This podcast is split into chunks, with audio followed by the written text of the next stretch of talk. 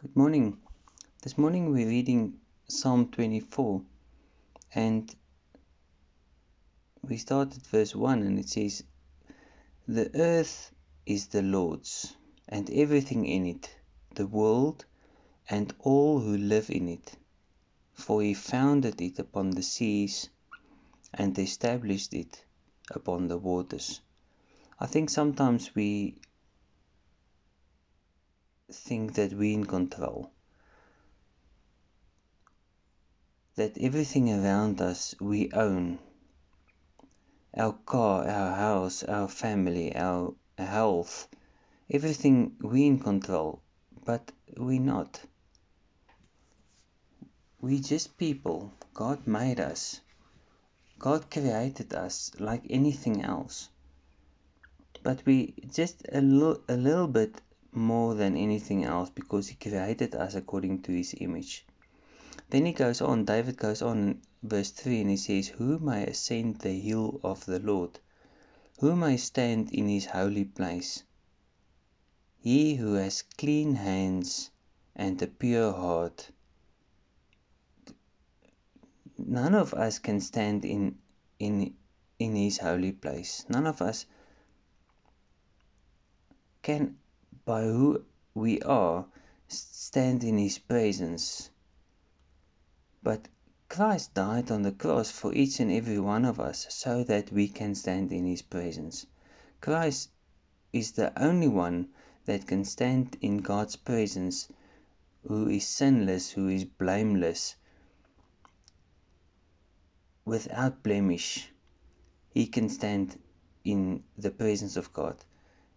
David goes on and he says, verse 4 He who has clean hands and a pure heart, who does not lift up his soul to an idol or swear by what is false, he will receive blessing from the Lord and vindication from God his Saviour.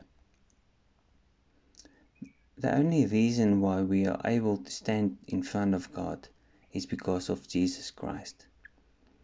But it's not giving us a reason to go and sit in a corner and cry and say, but we're only human. Yeah, we are only human, but we, we strive for being Jesus to people around us every day. And Philippians 4:13 I can do all things through Christ that strengthens me. Don't forget that. And don't forget that that Jesus overcame death even on the cross so that you and I can have hope. So let's cling on to this hope and let's strive to do things the way God wants us to do things. Let's pray. Father, thank you for this amazing word of yours. Thank you that every day that I read from it, I learn something.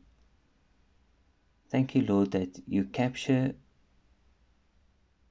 my thoughts, you capture my heart, you capture my my whole with your word.